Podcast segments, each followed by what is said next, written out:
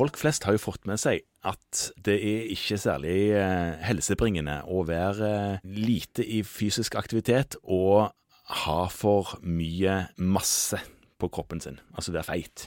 Det er fett da, og ikke masse det er snakk om. Ja, det er fett det er Ja, snakk om. Ja.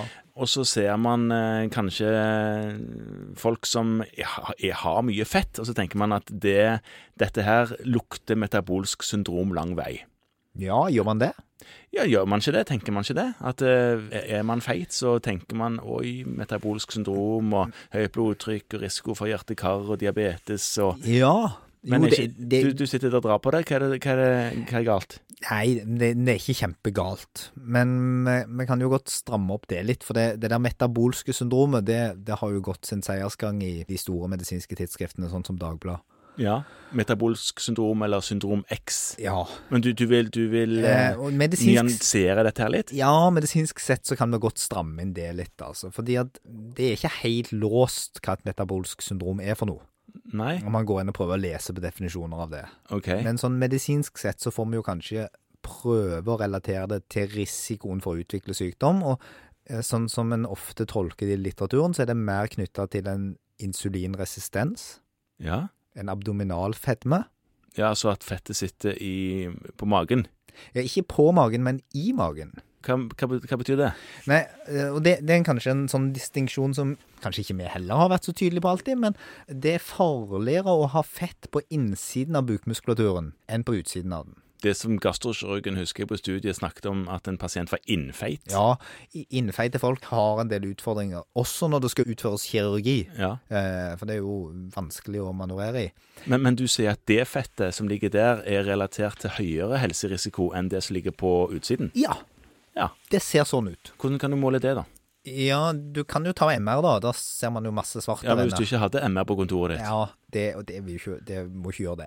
Nei, det som ofte er en god indikasjon på det, er at man måler ratioen mellom livvidde Ja. hofteomkrets. ja, den gode, gamle ratioen der, altså? Ja, eh, midje-hofteratio, som Ja. det ofte på fint heter. Fordi at har man fett som i hovedsak lagres opp inne i buken, Ja. så får man sånn typisk mannlig overvekt.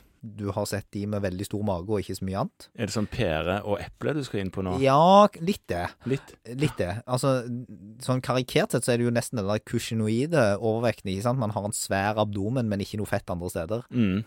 Mens en fettfordeling som på en måte ligger på utsiden av magemuskulaturene, den for, vil fordele seg litt jevnere. Mer på hofter og lår og på utsiden av magen. Mm. Og da vil på en måte forholdet mellom midje og hofte holde seg mer konstant. Ja, så det er en, la, altså en mindre ratio? Ja. Og så er det klart at hvis man er veldig overvektig, så har det ikke så mye å si. Da går insulinresistensen opp. Ja, Åkke som ratio. Ja. Mm, Altså, så hvis BMI-en er over 30, så er, er det utfordrende uansett. Og så for å på en måte fylle det metabolske syndromet, så skal man da ha disse. Man skal være ha en midje-hofte-ratio med over 90 hos menn og over 85 hos kvinner. Og man skal ha eh, et for høyt blodtrykk, altså over 140 på 90. Og så skal man helst ha litt høyt fastende blodsukker eller en nedsatt belastningstest, men ikke diabetes. Man kan få lov til å ha diabetes òg, men du må ikke ha diabetes Mm. For å ha metabolsk syndrom? og har metabolsk syndrom. Ok. Ja.